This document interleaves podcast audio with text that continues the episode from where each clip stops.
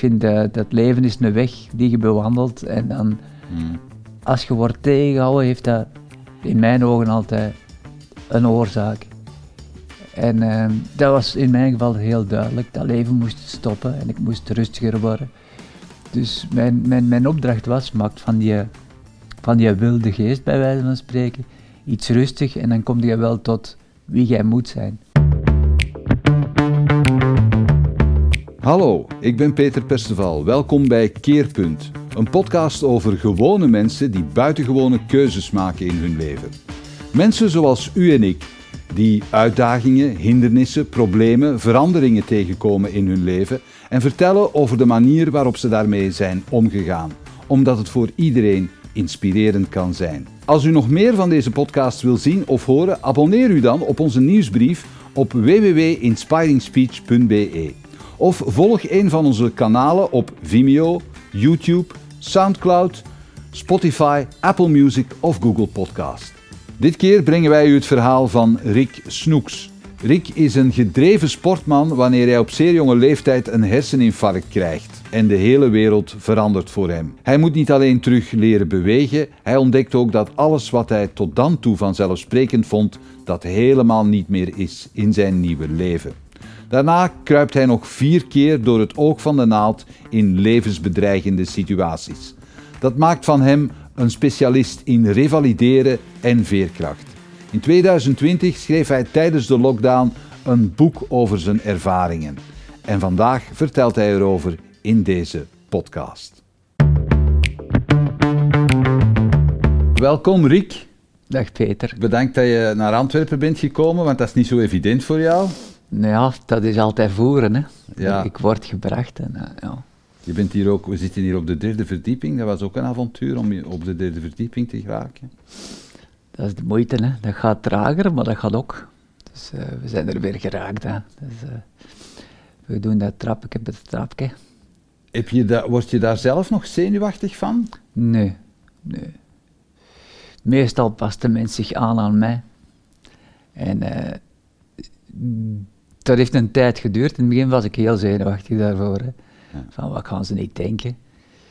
Maar op den duur eh, past men zich aan aan mij. En dat, ja, Hmm. dat vlot wel. We gaan dadelijk eh, ook even praten over hoe dat, dat allemaal komt. Ja.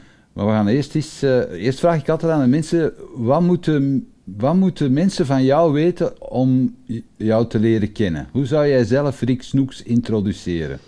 Eh, vroeger sportman geweest altijd. In hart en nieren. Altijd eh, snel, snel, snel in het leven staan. Ook niet er veel bij nadenken. Eh, talent in de sport. Altijd gehad. En dan op een gegeven moment gebeurt er iets zeer onverwacht. Door mijn harde leven, levensstijl, krijg ik ineens een flikkerlicht in de ogen en krijg ik een beroerte op mijn 29 jaar. En eigenlijk wordt mijn sport- en sociaal leven daar ja, stilgelegd.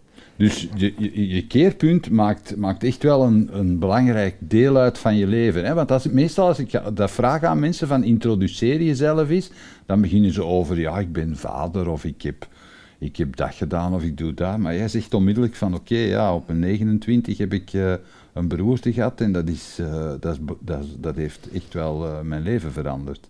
Ja, helemaal. Hè. Eh, ik zou mezelf vroeger omschrijven als een beetje oppervlakkig. snel, snel, snel vooruit. En op dat kantelpunt van mijn 29 verandert ineens alles. Mhm. Dus het jachtige leven stopt. En ik krijg de kans om eigenlijk alles stukje voor stukje te gaan bekijken. Precies omdat het moest. En ik neem daar ook een heel andere gedaante aan. Ik eh, trouw nog na alles wat er gebeurde, iets waar ik eh, vroeger nooit had over nagedacht. Mhm. Ik krijg daar nog een dochter, eh, een aantal jaar later. Dus dan kom ik eigenlijk in het gezinsleven terecht, waarvan mijn moeder had voorspeld, ja, dat gaat hem nooit, eh, nooit doen. Wa- Was jij zo'n losbol? Als je, als je 15, 16 was, was jij, was jij echt eh, een, eh, een, een felle losbol of zo? Ja, voor mij stond alles een teken van sport. En tegen mijn 18 uh, ontdekte ik eigenlijk het studentenleven en ja, daar stond geen grens op. Dat was altijd ja. ervoor gaan en ja, zonder, zonder boundaries, zal ik het maar noemen. Mm -hmm. Ik stond er ook niet bij stil. Ehm, mijn lijf protesteerde op dat moment nog niet. Ik bleef maar gaan en gaan. En ja, er stonden geen grenzen op. het leven lachte mij toe. En ik lachte vooral fel naar het leven. Maar dan tot mijn 29 kwam er ineens een... Maar wat moet ik mij voorstellen? Je zegt er stond geen grens op, uh, want jij studeerde lichamelijke opvoeding in ja. Leuven. Ja, dat klopt. En ik bedoel, dat is toch ook, uh, dat is toch fysiek ook veel eisend? Je kunt toch niet dag en nacht uh, liggen feesten, of wel? Je zei jonge Peter en dan, dan veranderen de zaken een beetje.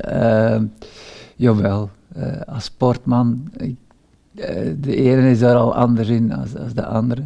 Maar wij waren met een hoop vrienden daar en uh, dat begon direct nadat de lessen gedaan waren.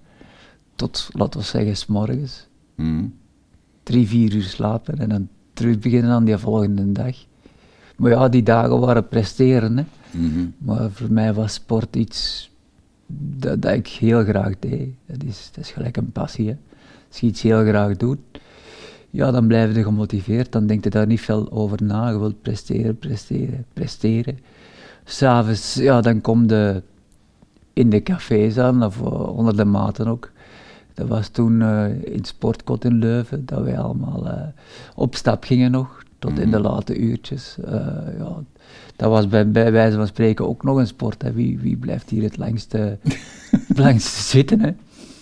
Maar dan- als ik mij niet vergis, wa- want je, hebt, eh, je bent bezig aan een boek, eh, om, dat, eh, om dat allemaal te, te vertellen ook, heel dat verhaal. ja.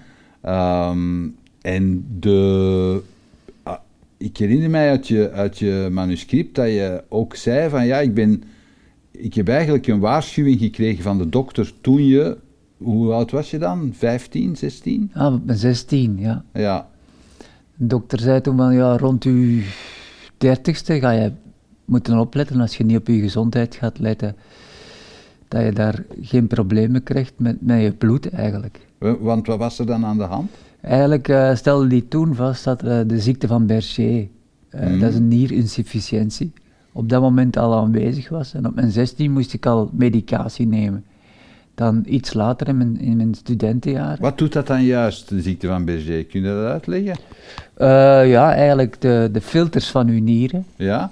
die, die klepjes die op die filters staan, die functioneren niet meer. Waardoor eigenlijk ja, de slechte voedingsstoffen gewoon ook recht naar die, nier, naar die nier gaan en die Mhm. wordt belast.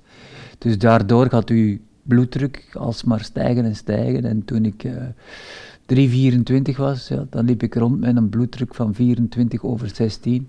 Excuseer? Ja, dus ik was eigenlijk een, een, een tijdbommetje, maar eh, Ja. niemand wist hoe lang gaat dat hier nog duren. En dat heeft eigenlijk nog tot mijn 29 geduurd en dan is eh, heel het systeem ontploft. Dan hebben ze ja, vastgesteld dat je bloeddruk zo hoog werd dat ik dat niet meer ging, ging houden. En op een gegeven moment is dan eh, een scheur gekomen in, in de hersenen. Maar was jij zelf dan niet ongerust daarover? Wat mijn broer wist wel, in de tijden dat ik nog basketbal speelde, van hij is eh, pijnstilling aan het nemen voor de hoofdpijn, waar dat hij altijd mee aan het spelen was. Dus ja, ik nam toen heel veel dafalgan. Hm? Mijn broer had mij al verwittigd van, let er toch maar mee op en eh, ga eens naar de dokter. Maar de dokter toen, de huisdokter, had eigenlijk moeten zeggen van, Rick, ga naar de kliniek en laat dat checken allemaal. Maar die heeft nog wat medicatie bijgeschreven en bijgeschreven, dus die heeft daar eigenlijk een beetje de foute beslissing genomen. Ik neem hem niks kwalijk in, in dergelijke toestanden. Ik vind eh, dat leven is een weg die je bewandelt en dan Hm. als je wordt tegengehouden, heeft dat in mijn ogen altijd een oorzaak. En ehm, dat was in mijn geval heel duidelijk. Dat leven moest stoppen en ik moest rustiger worden. Dus mijn, mijn, mijn opdracht was, maak van die, van die wilde geest, bij wijze van spreken, iets rustig en dan kom je wel tot wie jij moet zijn. Mhm. Dus dat was Maar eigenlijk... dat was wel nogal drastisch. Ik bedoel, je, had daar, je verdrong dat of je stond daar niet bij stil. Mhm. Allee, in elk geval, op, op 13 september 2001 Ja, ging bij u het licht uit. Ja, ja op het moment dat uh, de Twin Towers in elkaar zakten, zakte mijn toren bij wijze van spreken ook in elkaar. Ja. En toen, dat was eigenlijk een vingerknip. Op. En alles was weg, alles zakte in elkaar. Ik was toen bij mijn, bij mijn toenmalige vriendin. En uh, ja, ik ging daar naar het toilet en eigenlijk ja, zakte ik gelijk een pudding in elkaar. Ik uh, kon mijn, mijn linkerkant ook niet meer uh, laten ondersteunen. Mhm. Alles was weg. Dus ik wist niet wat daar gebeurde. En dan ben ik uiteindelijk met een bonk tegen de wc-deur gevallen. En dan is de zuster van mijn toenmalige vriendin de deur komen open En ik viel eigenlijk gewoon naar buiten. Op de grond. En dan uh, de huisdokter die daar tegenover woonde is direct gekomen. En dan hebben ze mij eerst proberen op te nemen in Tienen in het ziekenhuis. Maar dan zagen ze van, ja, die bloeding is zo zwaar dat ze mij direct naar Gasthuisbergen hebben overgebracht. En daar zagen ze van, ja, een zware hersenbloeding. Dus dan hebben ze direct ingegrepen, een schedelboring gedaan om de druk ervan af te pakken. Mhm. En dan is het afwachten hè, van, wat gaat het letsel Hoe lang zijn? heeft dat geduurd? Heb je daar een idee van? Hoe lang, hoe lang dat, voordat ze uiteindelijk die schedelboring gedaan hebben? Want dan, dan, heb, dan hebben ze nog wat mee rondgereden eigenlijk. Eh, ze zijn van Tienen rechtstreeks met een mug naar Gasthuisberg gereden. Mhm. Daar hebben ze mij dan direct in eh intensieve genomen. Dan zijn ze daar toch een uur of vier, vijf mee bezig geweest. En dan ben ik in een coma gegaan. Eh, dat is onvoorspelbaar hoe lang dat, dat gaat duren. Ja. In mijn geval, de snelheid primeerde daar, was het ook weer vijf tot zes uur, wat eigenlijk heel goed meeviel, dat ik niet langer in coma ben gebleven. Eh, en dan, ja, de volgende dag werd ik wakker in een, in een ziekenbed en dan is dat onwezenlijk, hè, van oei, je voelt... ja, want jij wist, jij wist ook niet wat er gebeurd was. Je was ineens bewusteloos gevallen Ja. en je wist niet wat er gebeurd was. Ik wist dat helemaal niet. Ik werd 's morgens wakker en eh, ik wou iets met mijn linkerkant nemen. En dat werkte niet. Dus dat was eigenlijk, ja, dat is Kafka. Hè. Je, je zit dan in een lichaam dat eigenlijk niet van u is. Hè. Je, Je voelde dat zo aan. Ja, je geeft commando's, maar er gebeurt niks. Hè. Dus, eh, en dat was heel, heel Wat was je eerste reactie dan? Paniek. Ja? Ja, ja. allee, Je geeft een commando aan je lichaam. Een een normale mens die, die voert dat direct uit, maar eh, links gebeurde er niks. Helemaal niks. Eh, dus er kwam een dokter zo met een stokje aan mijn voet eh, voelde van, werkt dat nog? Maar dat werkte allemaal niet. Ook links, net hetzelfde. Eh, overal gaan voelen, wat, Mhm. wat voelt juist, wat voelt niet juist. En ja, dat was eigenlijk hetzelfde als dood vlees. Hè. Hoe lang is die paniek blijven, blijven duren? Twee, drie dagen. Mhm. Ik werd geconfronteerd met ja, gewoon rustig iets gaan eten, maar dat lukte allemaal niet meer. Ik viel ik ook constant om. En ja, ik had bangen. Ik had gewoon heel veel bang. Wat is dat hier? Gelukkig was die, die, die dokter toen, die, die neuroloog, dat was nog een jonge gast. En die bleef er eigenlijk goed bij om, om dat helemaal ja, uit te leggen wat er nu juist gebeurd was. Ik pakte dat ook nog niet op, want dat ging niet. Mhm. Die had dat wel door, van oei, er zijn een aantal dingen die echt niet meer werken bij, bij Rick. Maar die heeft mij daar goed doorgesproken. Dat begon met herkenning van, van familie en vrienden. Gelukkig was dat niet weg, maar mijn taal was heel, heel traag. Dus dat was ook weer vergieten van oei, ik, ik kan dat hier allemaal niet meer. Spraakvermogen was echt aangetast. Ja, ja, ik kon, ik kon, ik kon in het begin eh, heel, heel traag nog iets uitbrengen. Mhm. Maar zinnen maken, dat ging niet meer. Dat was allemaal... Ja, ik weet nog de eerste keer dat ze mij recht zaten. De sportman wou weer direct uit zijn bed schieten. Maar eh, dat ging niet, hè. Ik viel gewoon direct terug om. Eh, het draaide heel veel in mijn hoofd. Dus dan krijg je echt wel... Ja, dat is stress, hè. Mhm. En dan begin je na te denken van, heel snel al, oei, ik kan niet meer doen wat, wat ik wil doen. Dus mijn sporten, dat was in een vingerknip ook, ja, dat is weg hier, hè, dat gaat allemaal niet meer. Dus wat moet ik gaan doen? Mhm. En daar heb ik gelukkig niet te lang bij stilgestaan. Hoe kwam, kreeg je daar actief hulp in? Want je zegt die neuroloog die was wel, die legde mij wel uit wat er aan de hand was. Maar Ja. kreeg je voor de rest hulp? eh, Of, of mensen die je zeiden van, ja kijk, zo staat de zaak? Ja, van het moment dat, dat er is vastgesteld waar dat de bloeding zich ongeveer begeeft, komt er direct eh, psychologische hulp bij. Hmm. Kinesiotherapie komt daarbij. Eh, ook nog eens in mijn geval dan logopedie en ergotherapie. En eh, ja, die beginnen direct aan u te werken. Hè. Eerst de grotere functies en dan afdalen naar kleiner en kleiner en kleiner. En ja, die mensen van toen, die ben ik nog altijd zeer dankbaar. Maar dat is van in het begin terug. Hè. Een tandenborstel, dat weet je niet wat dat is. Hoe lang heeft dat geduurd, die, die revalidatie? Eh, dat is begonnen dan direct die 13 september. Mhm. Eh, dat heeft geduurd tot de eerste instantie. Uiteindelijk zijn die eerste drie weken tot drie maanden superbelangrijk om, Ja. om zoveel mogelijk te kunnen regenereren. Hè. Mhm. Dus dat is heel, heel belangrijk dat ze daar van in het begin direct mee beginnen, omdat die hersenen dan nog jong zijn. Zo sneller dat eraan gewerkt wordt, des te meer kunnen recupereren. Dat is eigenlijk het systeem dat ze direct toepassen. Vooral de kines zijn er heel belangrijk geweest. Maar ook die psychologen van het begin, die eigenlijk, ja, u moet vastpakken. Hè. En zeggen, oké Rick, dat is gebeurd en nu gaan we op zoek naar wat we kunnen recupereren in die eerste maanden. Maar ja, dat blijft verschieten. Hè. Je denkt ook echt van, waar ga ik nog kunnen geraken? En ik herinner me nog goed dat die peusjes, die, die, die neuroloog zei, ja eigenlijk Rick, we hebben geen glazen bol hier. Hè. Mhm. Ehm, je moet je voorstellen dat je je in de rivier moet gooien en je moet laten meegaan met de, met de stroom. Waar dat jij gaat geraken, dat weten we niet, maar voor een groot stuk hangt dat van u af. Dus daar begint eigenlijk de grootste wedstrijd die ik moest spelen. Hè. Ah, ja, maar had jij dan, ge- eh, het hangt voor een groot stuk van u af, had jij dan een soort doel, had jij zo'n soort, eh, een, een, een ding dat je op voorhand met jezelf had gezegd van oké, ik ik, ik wil dat bereiken? In dat begin zijn die doelen nog ver weg. Hè. Dan denk je van, oké, wat kan ik in mijn eigen lichaam nog bereiken? Het eerste doel, dat weet ik nog, was gaan. Maar voordat je moest gaan, zei die mannen, probeer al eens recht te staan. En dan hebben ze mij in zo'n staattafel gezet, Mhm. en een band rond mij getrokken. En dan, dat begon met een minuut staan. En ik was ik al zo misselijk als iets. Mhm.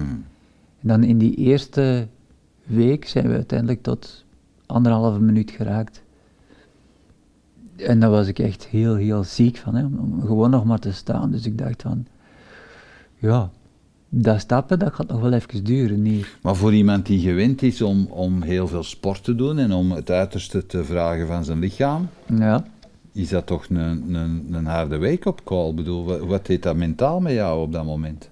Ehm, ja, ik herinner me nog op dat moment dat ik hetzelfde sportprincipe had van oké, dit is gebeurd, we pakken dat vast. Hè. Je hebt geen andere keus. Ofwel ga je liggen halen in een hoekje, maar dat, dat lag mij niet echt. Dus ik heb dat vastgepakt en ik denk ik blijven werken aan wat dat wel werkt. Hè. Mhm. Dat is mijn reactie als sportman geweest. Maar ehm, ja, ik, eh, ik herinner me nog goed die een tijd dat dat heel hard was. Omdat ja, je bent zo gewend om met dat lichaam te werken. Dat werkte ook fantastisch op dat moment. En ineens word jij gereduceerd tot eh, ja, een plant. Hè. Mhm. En op dat, op dat moment, je weet ook niet hoe, oké, wat functioneert hier nog wel? Dus het enige wat ik toen nog maar deed was, hoe voelt je rechterkant? Want die rechterkant, dat is normaal.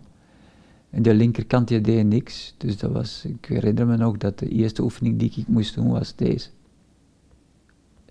Dat. En dat dan proberen links.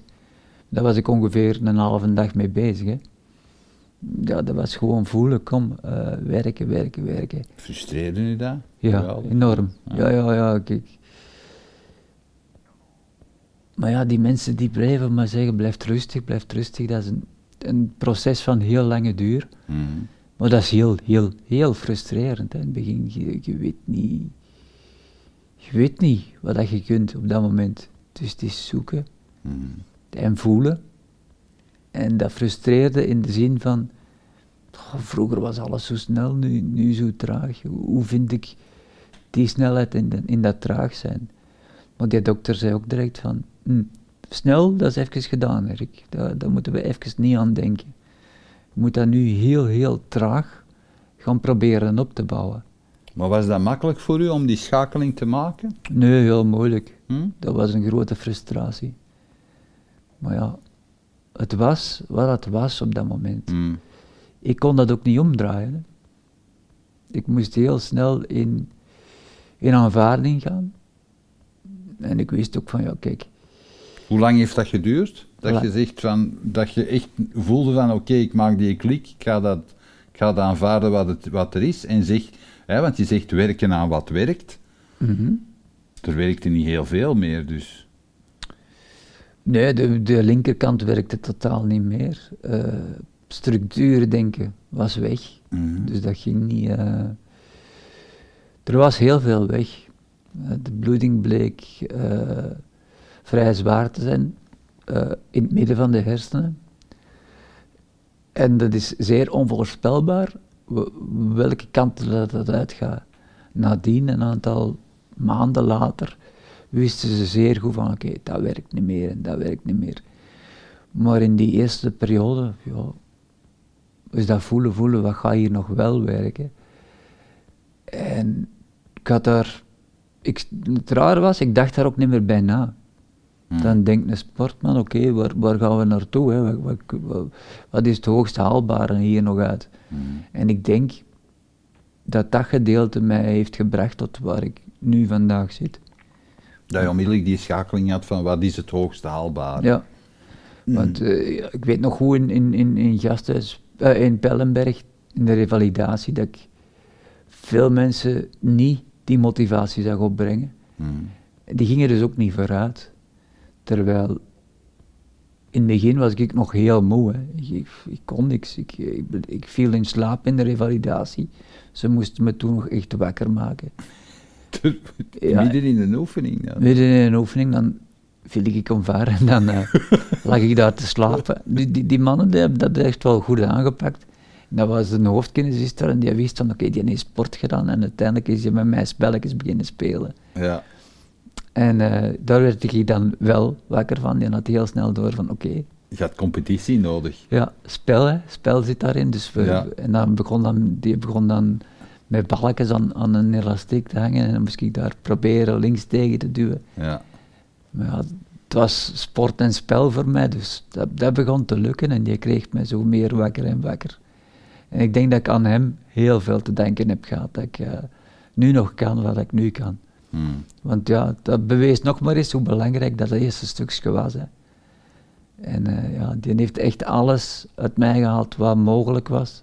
Hij wist ook wel van dit is heel, heel zwaar voor hem, want uiteindelijk is dat een van de dingen die er inherent aan is, zelfs nu nog, is die altijd aanwezige vermoeidheid. Ja. Dat is echt knokken om daardoor te geraken. Maar dan door meer en meer en meer te doen, gaat dat op zich wel verbeteren. Hm. Dus tot op de dag van vandaag haal ik nog verbetering uit wat er toen gebeurde. Merk je dat echt, ja? Ja, ja, nog altijd. ja. Ja. Maar het is blijven oefenen. Ik zit eh, drie keer in de week in de fitness. Niet dat ik daar eh, spiermatig of... eh, Mhm. Maar wel in snelheid verbeter ik mezelf. En in functionaliteit ook nog steeds. Maar dat is volhouden. En gelukkig, nog maar eens, zit die sportmentaliteit daar dan in. Want ik ken veel van mijn lotgevallen die dat dus niet meer doen. Hè. Ja, ja. En dan, Die- zie, dan zie je ook de gevolgen. Mensen die zeggen van, ja, het wordt toch niet meer gelijk vroeger. En dan, eh, Ja, maar jij had die gedachte niet van, eh, ik wil terug gelijk vroeger, zoals vroeger. Eh, ik wist heel, heel snel dat dat niet kon. Oké, Maar dan is het zoeken van wat kan er nog wel. Hè. ja. En, Je, je, je, hebt, je hebt serieuze uitdagingen uitgehaald. ja, Hè? ja, Wat ja. kan er nog wel? Dus, Ja. Er kon een hele hoop. Dus, je werd ook uitgedaagd natuurlijk. De- het eerste wat ik eh, mij herinner is dat je met een kameraad eh, een ronde van Vlaanderen hebt gefietst. Ja, dat klopt. Op de tandem. Ja, natuurlijk. Maar niet zomaar eh, een ronde, dat was echt doorchasen. Ja, ik had dan ook nog eens een, een sportvader, dus Ja. die ook in, in de sport had gezeten. En die zegt, dan, ja, ik ga, ik ga er voor mezelf ook iets leuk van maken. En die tekende een tour van 600 kilometer uit. ik zeg, Ook niet voor op één dag. Nee, nee, maar Ja. die heeft altijd nog wel veel eisend geweest naar mij. En Ja. mijn, mijn sportmakker, die, ja, dat was zo echt een, een uit de kluiten gewassen beer. En die eh, kwam mij ook altijd halen van, kom, we gaan dat doen. Gaan- tijdens die revalidatie al zei hij van, ik ga die er, eruit trekken, want die vond het eigenlijk heel erg in die tijd. Van, ja, mijn sportmaat valt hier weg, ik ga die helpen. En het is eigenlijk dankzij hem dat ik terug de, de drive vond van, oké, deze lukt hè. Mhm. Die zag mij daar zitten in, op, de, op die home trainer in het revalidatiecentrum en hij wist van mij, die doet dat niet geren. Die, die, die, die, moet iets anders zien. En dan vroeg hij van... Waarom? Dat was ook zo, omdat dat stil stond, of? Ja, die wist ook van mij, van die, die moet bewegen, die, die, die, die moet hieruit. Ja. En die zei, kom, eh, wat zou je ervan denken om nou eens buiten te gaan fietsen? Zeg, ja, dan gaat die, die arts hier niet meer lachen, het is juist nieuw materiaal. Ja, maar nee, nee, we doen dat met een tandem en we gaan eh, wat kilometers malen. Ik zeg, jongen, kan ik u nooit volgen? Hè? Je bent zo een sterke atleet, een, een coureur was het ook. en eh, die heeft mij dan op die tandem, bij wijze van spreken, vastgebonden. En die is bij mij beginnen rijden. En dan ben ik be- beginnen volgen gewoon. En dat eerste tochtje, dat was pakt 20 kilometer, 25 kilometer. Ik was ik al stik kapot. En toen zei hij, kom, we gaan de ronde rijden. Zeg, het is goed jongen, we gaan dat doen. Maar uiteindelijk, je zei van binnen zo kwaad. Van, oei, mijn, mijn sport is hier afgepakt, ik wil iets terug doen. En dan uiteindelijk zeg ik van, oké, we gaan dat doen. Ik dacht niet na over, Dus je hebt dat echt gedaan uit, uit razernij eigenlijk. Ja, dat uw energie. Dat was mijn energie. Ik had direct zoiets van, ze gaan mij hier niet hebben, misschien niet meer in mijn, in mijn sporten van vroeger. Mhm. Ja, die basket is zoveel coördinatie, evenwicht en dat ging allemaal niet meer. Dus ik ben naar de fiets overgestapt, want dat is een cyclische beweging. Dat linkerbeen werd sowieso meegetrokken. En dat was voor mij een, een, een opluchting. Dat ging nog. Mhm. Dus dan ben ik eh, ineens maar 600 kilometer beginnen rijden. Omdat ik zoiets had van, ja, je bent zo kwaad van binnen. Ik liet dat niet zien in die tijd, want ik had zoiets dit heeft geen zin, hè. Me daar tegen gaan afzetten. Heb je dat nog in u, die kwaadheid, van, eh, die je als energie gebruikt? Eh, nee, dat is nu geen boosheid meer. Het gaat Mhm. nu over functionaliteit en er staan voor eh, die dochter die ik heb. Dus uiteindelijk gaat dat omschakelen in, in iets productief dat buiten mij ligt. Ik had een heel groot verhaal al geschreven vroeger, maar nu is het aan de toekomst, niet meer aan mij. Dus dat verandert een beetje, ja. ja. Oké. Je hebt een... eh, want dat is, die, die, ron- die ronden heb je gedaan. Je bent naar, naar Compostela gefietst. eh, Ja, je, hebt- je hebt bergen opgereden met je tandem. ja, Dan, eh, dan, dan heb je nog proberen te zeilen ook. Ja. Dat was een beetje minder eh, succesvol. Dat was plezant, maar ik was Dat was vooral in... voor de, voor de mensen die u zagen zeilen plezant. Ja, eigenlijk wel, ja. Ehm, nee, ik was met mijn kameraden van de VUB, ja. waar ik vroeger gestudeerd had, uitgedacht geweest om mee naar de Spelen van Peking te gaan destijds. Hm. Ja, dat is goed, we- gaan er naartoe. Dat was op zich al een Olympische Spelen voor mij. Als toerist. Als toerist, ja. ja, Ja, zij eh, gingen daar ook nog eh, de effectiviteit van BOIC destijds eh, Hm. mee bekijken. Maar ik was mee als kuifje in, in, in China. Hè. Ja. Dus ik vond dat wel heel plezant. Maar voor mij was dat al een Olympische Spelen op zich, want om naar al die evenementen te gaan, moest ik te voet gaan. Dus ik was ik altijd stik kapot. Hè. Ja. Maar ik kwam daar toen eh de Thierry Schmitter tegen, dat was een, Olympische paratleet voor de Nederlandse, Nederlanders. En die deed dat in zeilen. En vroeger had ik nog in een watersportschool gewerkt, dus ik Mhm. dacht, ja, zeilen zal misschien nog wel lukken. Maar dat zeilen was nog net iets anders. Ik had er 16 functies in die boot. Ja, er waren er al acht aan de linkerkant die met mij wegvielen. ja. En ja, dat was voor mij dan, oké, rechts, alles op links overzetten. Maar in zo'n boot is dat, ja, dat is zoveel. En veel tegelijkertijd voor mij, dat ging absoluut niet. Dus ik moest dan structuur zoeken binnen een boot waar ik nog nooit mee gevaard had. En ineens moest ik daar de zee op, de Middellandse Zee, in Hier, waar die mannen trainden. Het eerste wat ik had was schrik, maar die mannen die vaarden maar. En ja, als ik die bezig zag, dat was echt knap. Maar op een gegeven moment stond mijn boot helemaal onder water. En uh, allee, mijn Belgische prestatie werd dan gereduceerd tot Belgian Submarine binnen, binnen een heel dag gegeven. Ja. En dan ben ik uiteindelijk kok geworden van uh, de Nederlandse Paralympische ploeg. Collaborateur. Ja, ja, ja, ja. ja, ik moest wel, hè, maar uh, mijn zeilprestatie was dan ietsje minder. Maar uiteindelijk van de zeven sport, van de acht sportprestaties die ik gedaan heb, zijn er zeven gelukt. Ja. En met alles wat wegvalde, was ik daar al heel, heel content van. Dat, en en, en dat, dat avontuur op zich was, was geweldig. Hè. Hmm. Nu, die vermoeidheid speelde nog altijd mee. En in de rit terug, uh, ik was dan onderweg met de Paralympische atleten, nummer 1 van de wereld, 2 en 3 van Holland. In het zeilen? In het zeilen. Mm -hmm. En dan 4, dat was uh, de submarine.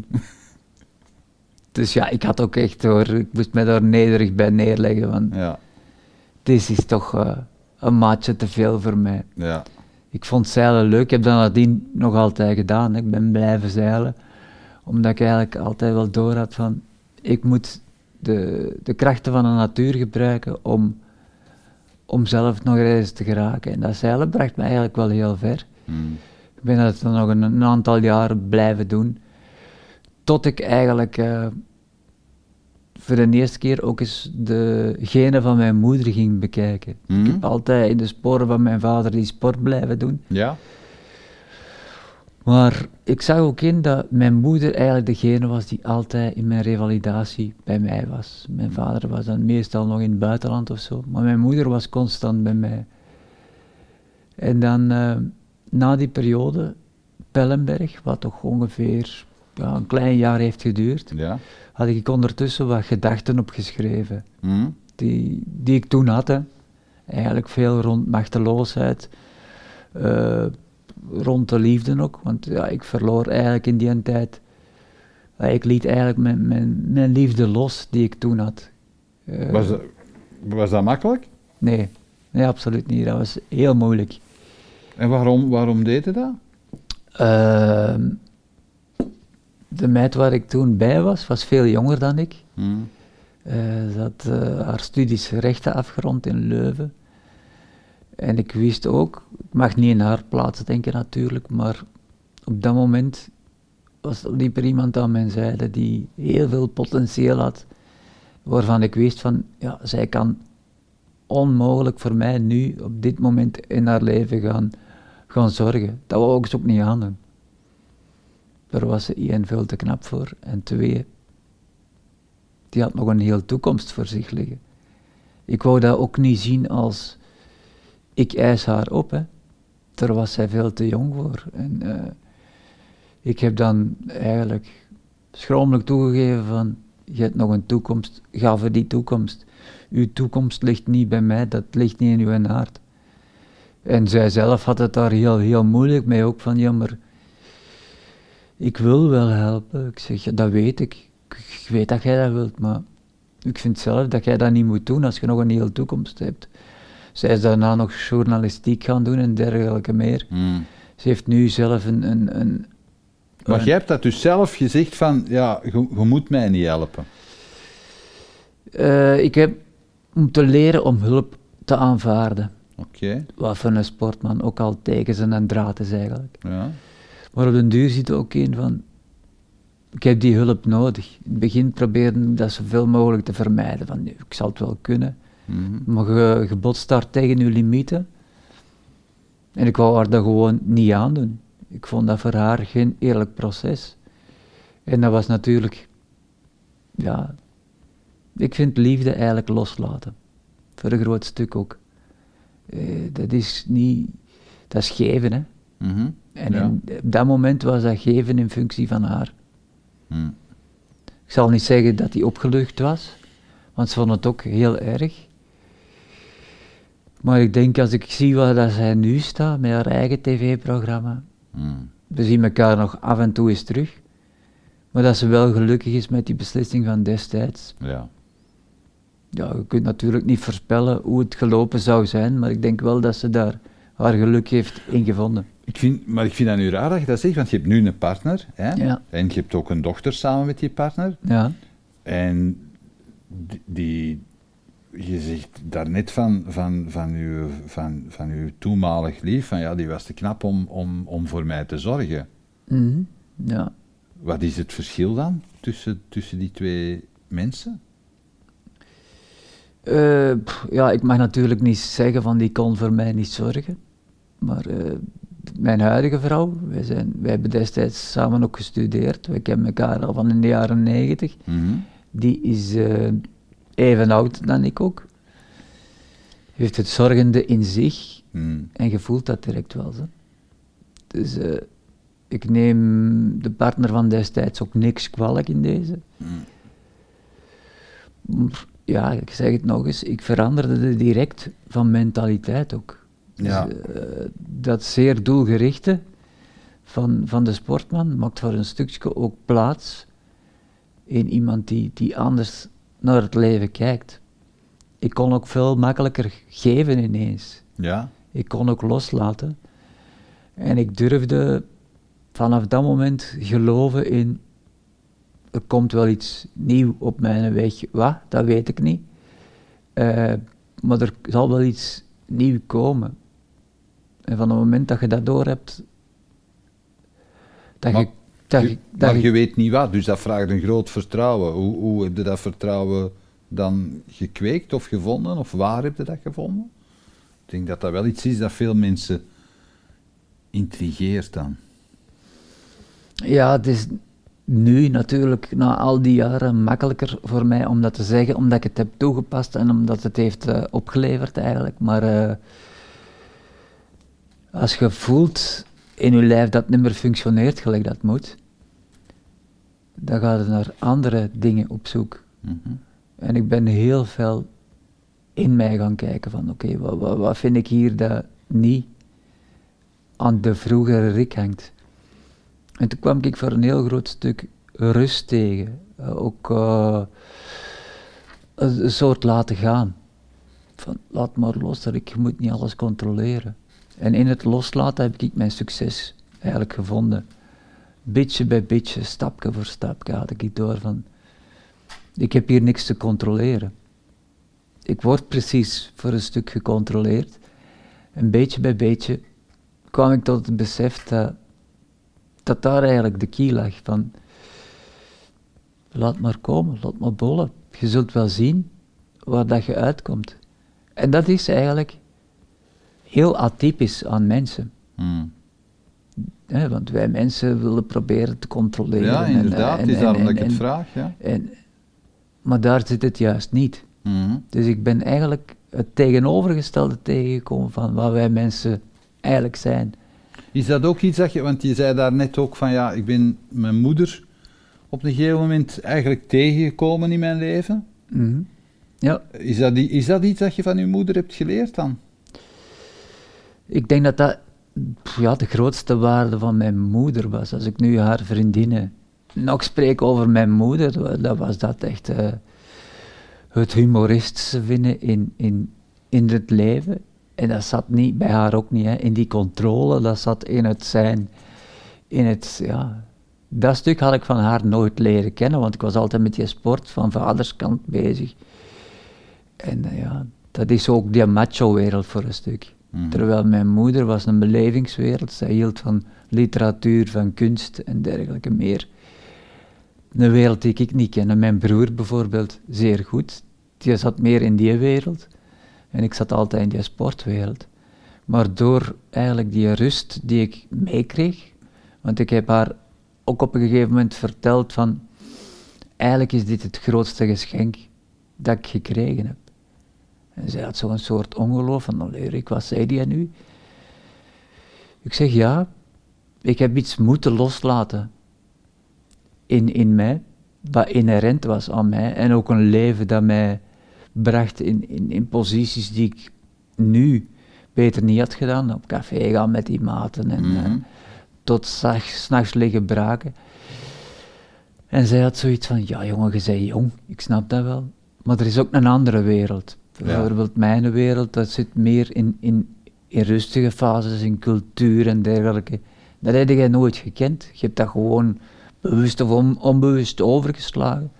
Maar ik denk dat je nu in een, in een situatie bent gekomen dat je daar wel van kunt profiteren. En in die volgende jaren, tot mijn moeder sterft, in 2018 is dat al, heb ik altijd haar kant leren bekijken.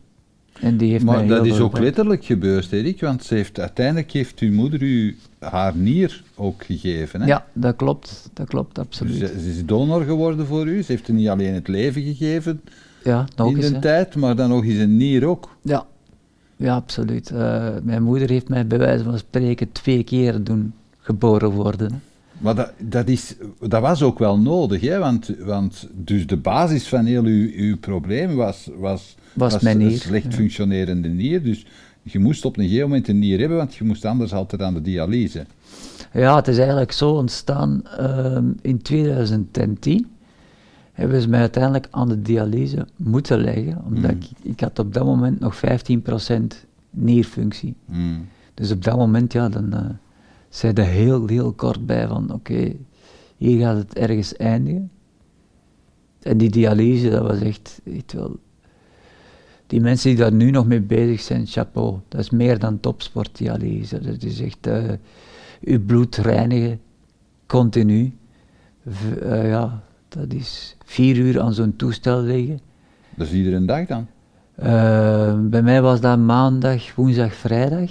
Oké. Of, ja, het varieerde soms. Het is drie keer in de week in alle Mhm. geval. En dan is dat, ja, eigenlijk wordt heel uw bloed gespoeld. Elke keer opnieuw. Eh, dat is in de voormiddag was dat, van, ja, laten we zeggen, 7, 11, 8, 12, 4 uur moest altijd spoelen. En ehm, ja, de namiddag was gewoon rustig. Je zat er zo kapot van. Eigenlijk zijn dat dagen die je dan doet. Drie dagen in de week waren dan volledig weg. Het begon eh, een jaar voordat mijn dochter geboren werd. In 2010 begon ik aan de dialyse. In 2011 wordt Marie geboren. Op dat moment ben ik dus heel, heel ja, uitgeput als mens. Ik heb eh, die geboorte meegemaakt, maar ik was daar in bewustzijn niet echt bij. En in 2014 besluit mijn moeder dan, oké, die dialyse, dan moet die stoppen, want Rick heeft zo geen leven. En die heeft mijn nier dan geschonken. Dus haar nier, eh, in de kerstmis van 2013 besluit zij van, Rick, jij krijgt een nier van mij. Ik heb dat eens opgezocht. Ik kan met één nier leven. Ja. Dus jij krijgt mijn andere nier en dan kun jij terug verder in het leven. Dus op dat moment ja, beslist ze eigenlijk van ik geef u nog eens een geboorte, Ja. bij wijze van spreken. En dan heb ik haar levende nier in 14, januari 14, in mijn lijf gezet gekregen. Ook weer eh, een soort staaltje van onze klinische geneeskunde. Er wordt Ja. wel veel op, op aangestuurd van ja, met die pillen en dit en dat, maar ik heb ze nodig. Ja. Ik heb ze absoluut nodig. En wat die daar deden, dat was ja, de nier uit mijn moeder halen, even in de frigobox, een kamer verder, en dan in mij. Dus ja, Je hebt ze nog altijd. en ik heb ze nog altijd. Nu zijn we 21, dus ik ben nu zeven jaar verder met mijn nier in mij. En mijn mama is ondertussen overleden. Ja, dat was ook eh, vreemd. Bij de dienst van de, mijn moeder heb ik eigenlijk in, in die dienst de nier van mijn moeder laten spreken. Want Ja. mijn moeder zat nog in mij, maar was gestorven. Dus ja, ik weet nog dat die vriendinnen van haar, die hebben daar echt liggen snotteren tot en met, om, omdat ik van haar uitsprak. Ja. En zij, zij hoorde blijkbaar ook haar in mij. Ja. Dus dit wordt, allee, als je vroeger zegt van ik ben acht jaar ouder al dan mijn oorspronkelijke leeftijd, dan hadden ze mij aan het kruis genageld. Hè. Maar ehm, ja, ze hadden gezegd van, jij haalt de 40 niet. Ik ben er nu 48, dus ja, kunt je wel voorstellen, ik leef ja, al acht jaar langer dan mijn dood. In extra time. Extra time, ja, ja. Extra time live. Dat is, ja. dat, is ook, ja, dat is ook niet... Uh, dat is, dat, is ook, dat is ook niet vanzelfsprekend, want je hebt ook nog eens een hartaderbreuk gehad ondertussen. Ja, die kwam er ook nog eens bij. Ja, dat was, de, dat was een staaltje van... Ik vind dat wel een sterk verhaal, want dat, je hebt dat gekregen terwijl dat je instructie aan het geven waart over revalidatie. Ja, dus uh, er was een, een, uh, mijn eerste ergotherapeute, ja. Jeannot heet die, was een vriendin van mijn schoonmoeder. Ja.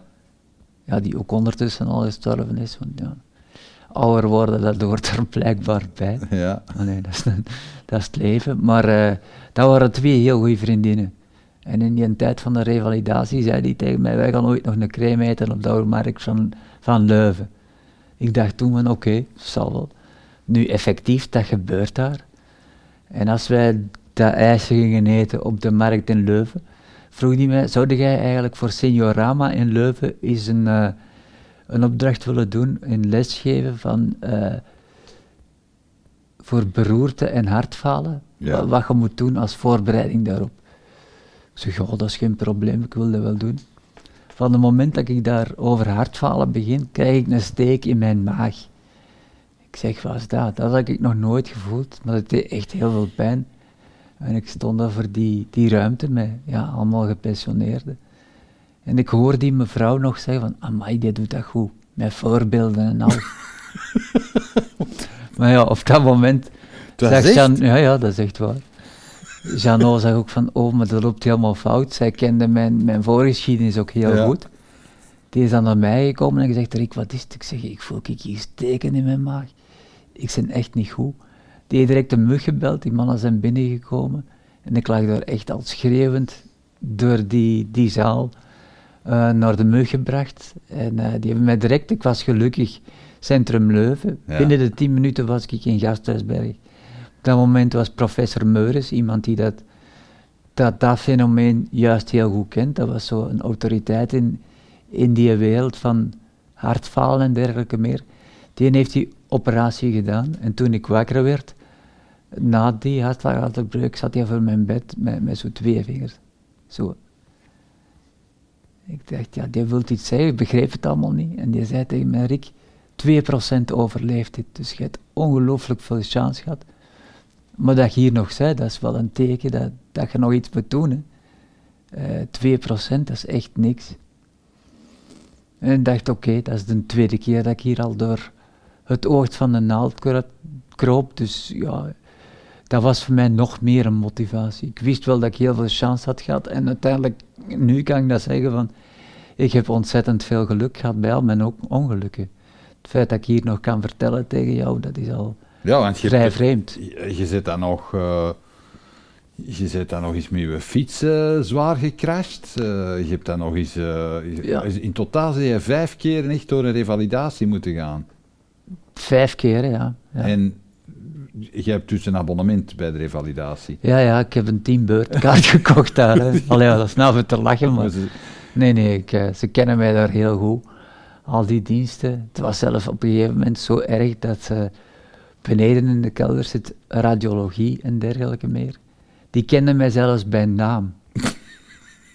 Dat is altijd een slecht teken. Dat is een slecht teken, ja, absoluut. De En, dokter eh, en de advocaat die moeten uw naam niet kennen. Nee, nee, maar die kennen die alle twee nogal vrij goed. Dus ja. dat laat ik in het midden. Hè. Maar, eh, allee, ik kan daar nu mee lachen, hè, Peter, maar eh, in die tijd was het absoluut niet lachen. Hè. En de laatste eh, acht jaar, van 2000 tot 2018, heb ik eh, duizend dagen in een, in een ziekenhuis gelegen. Eigenlijk naar een wit plafond liggen kijken. En dan komt u eigenlijk echt tegen. Van daaruit komt ook nu die levensfilosofie van. We hebben het allemaal echt niet onder controle. Maar eer dat je dat uitgelegd krijgt tegen mensen, dat is waanzin. En dan komt corona. Ja. En ineens ze, ah, weet je nog wat jij toen zei? Ja. Ja, er moet toch iets van, eh, voilà. Ineens werd ik iemand die tussen alle mensen staat, waar dat de, de wetten zei van, oké, nu is iedereen gelijk. En ik dacht, eindelijk.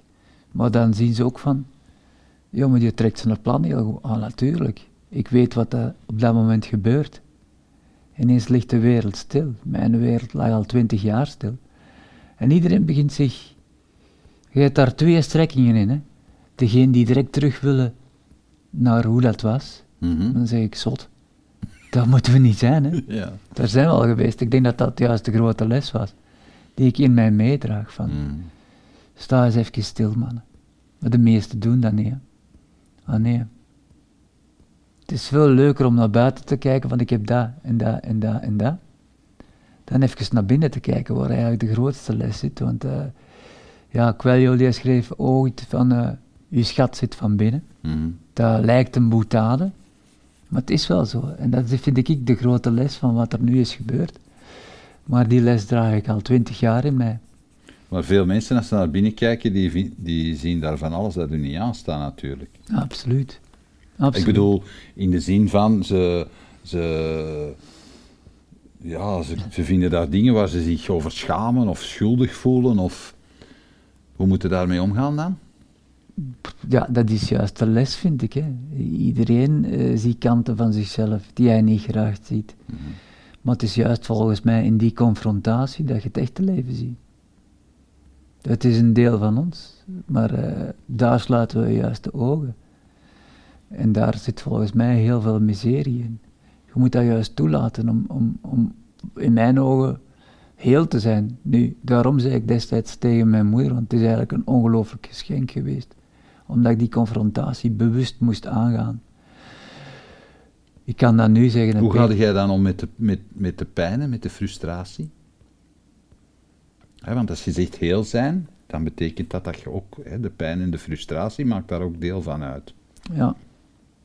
Nu, in mijn ogen is het belangrijker om in energie te steken waar dat je mee vooruit gaat. Hè. Mhm. En dat is alleen in, in jezelf.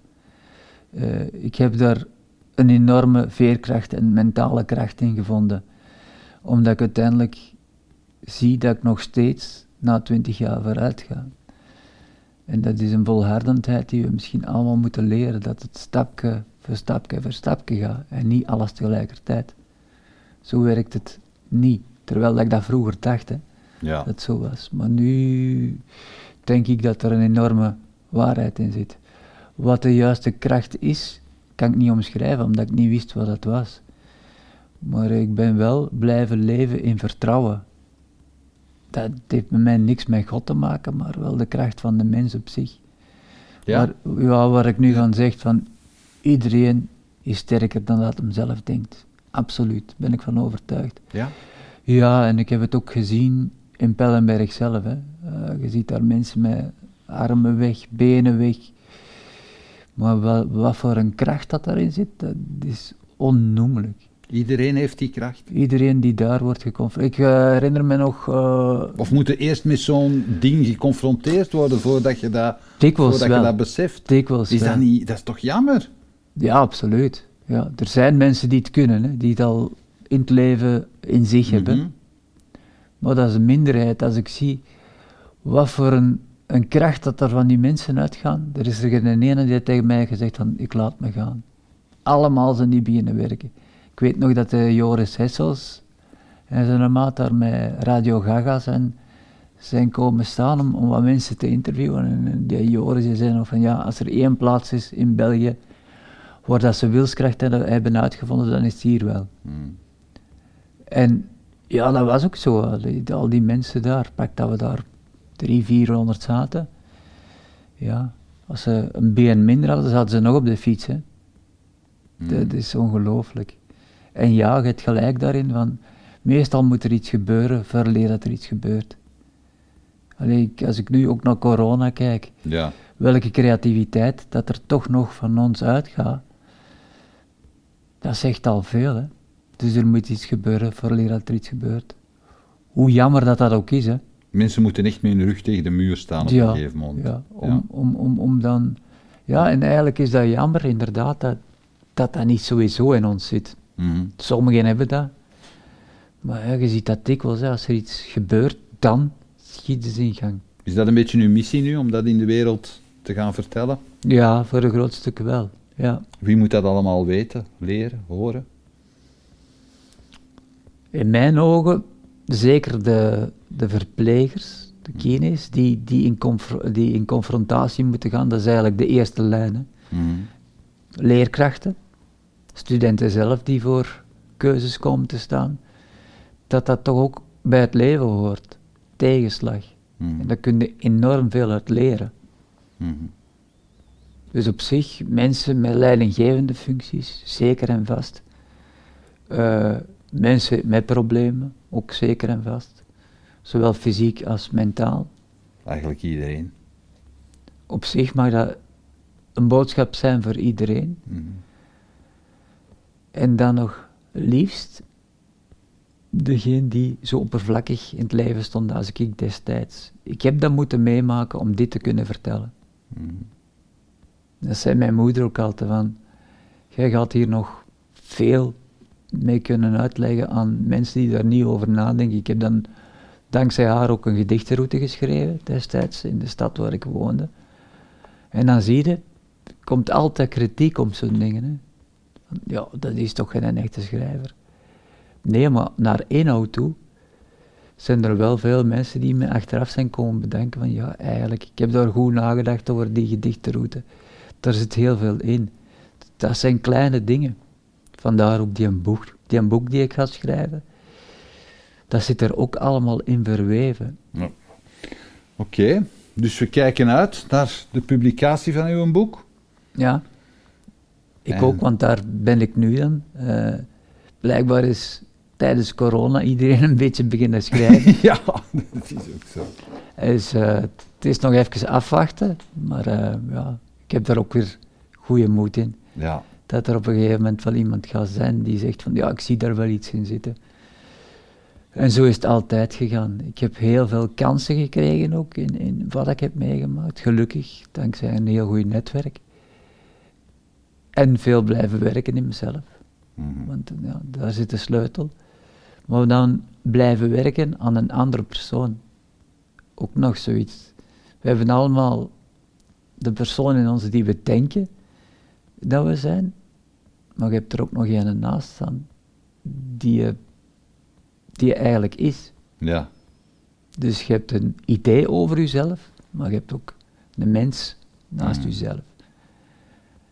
Ja, dat is al een filosofie. De meeste mensen werken aan dat idee, Ja, ja, in voilà. plaats van aan die mens. Ja, Ja, juist. Je zegt het helemaal juist. Ja, daar Ja. komt het op neer. ja, Ja. ja. Oké, dat is een wijs woord om mee af te sluiten, Rick. Eh, wij horen en wij zien elkaar hopelijk bij de publicatie van uw boek. Ja, En ik wens u nog heel veel succes in Dank het wel, leven en geen bezoeken meer aan de revalidatie. Nee, dat hoop ik ook niet. Ik ben nu drie jaar ziekenhuisvrij, dus we gaan dat zo houden. Oké, bedankt. Dank u wel. Bedankt dat je keek naar deze aflevering van Keerpunt. Wil je op de hoogte blijven van nieuwe afleveringen en nieuwe interessante gasten? Abonneer je dan op onze nieuwsbrief via www.inspiringspeech.be. Iedere twee weken brengen wij een nieuwe aflevering online op inspiringspeech.be, YouTube, Vimeo en Soundcloud. Tot ziens.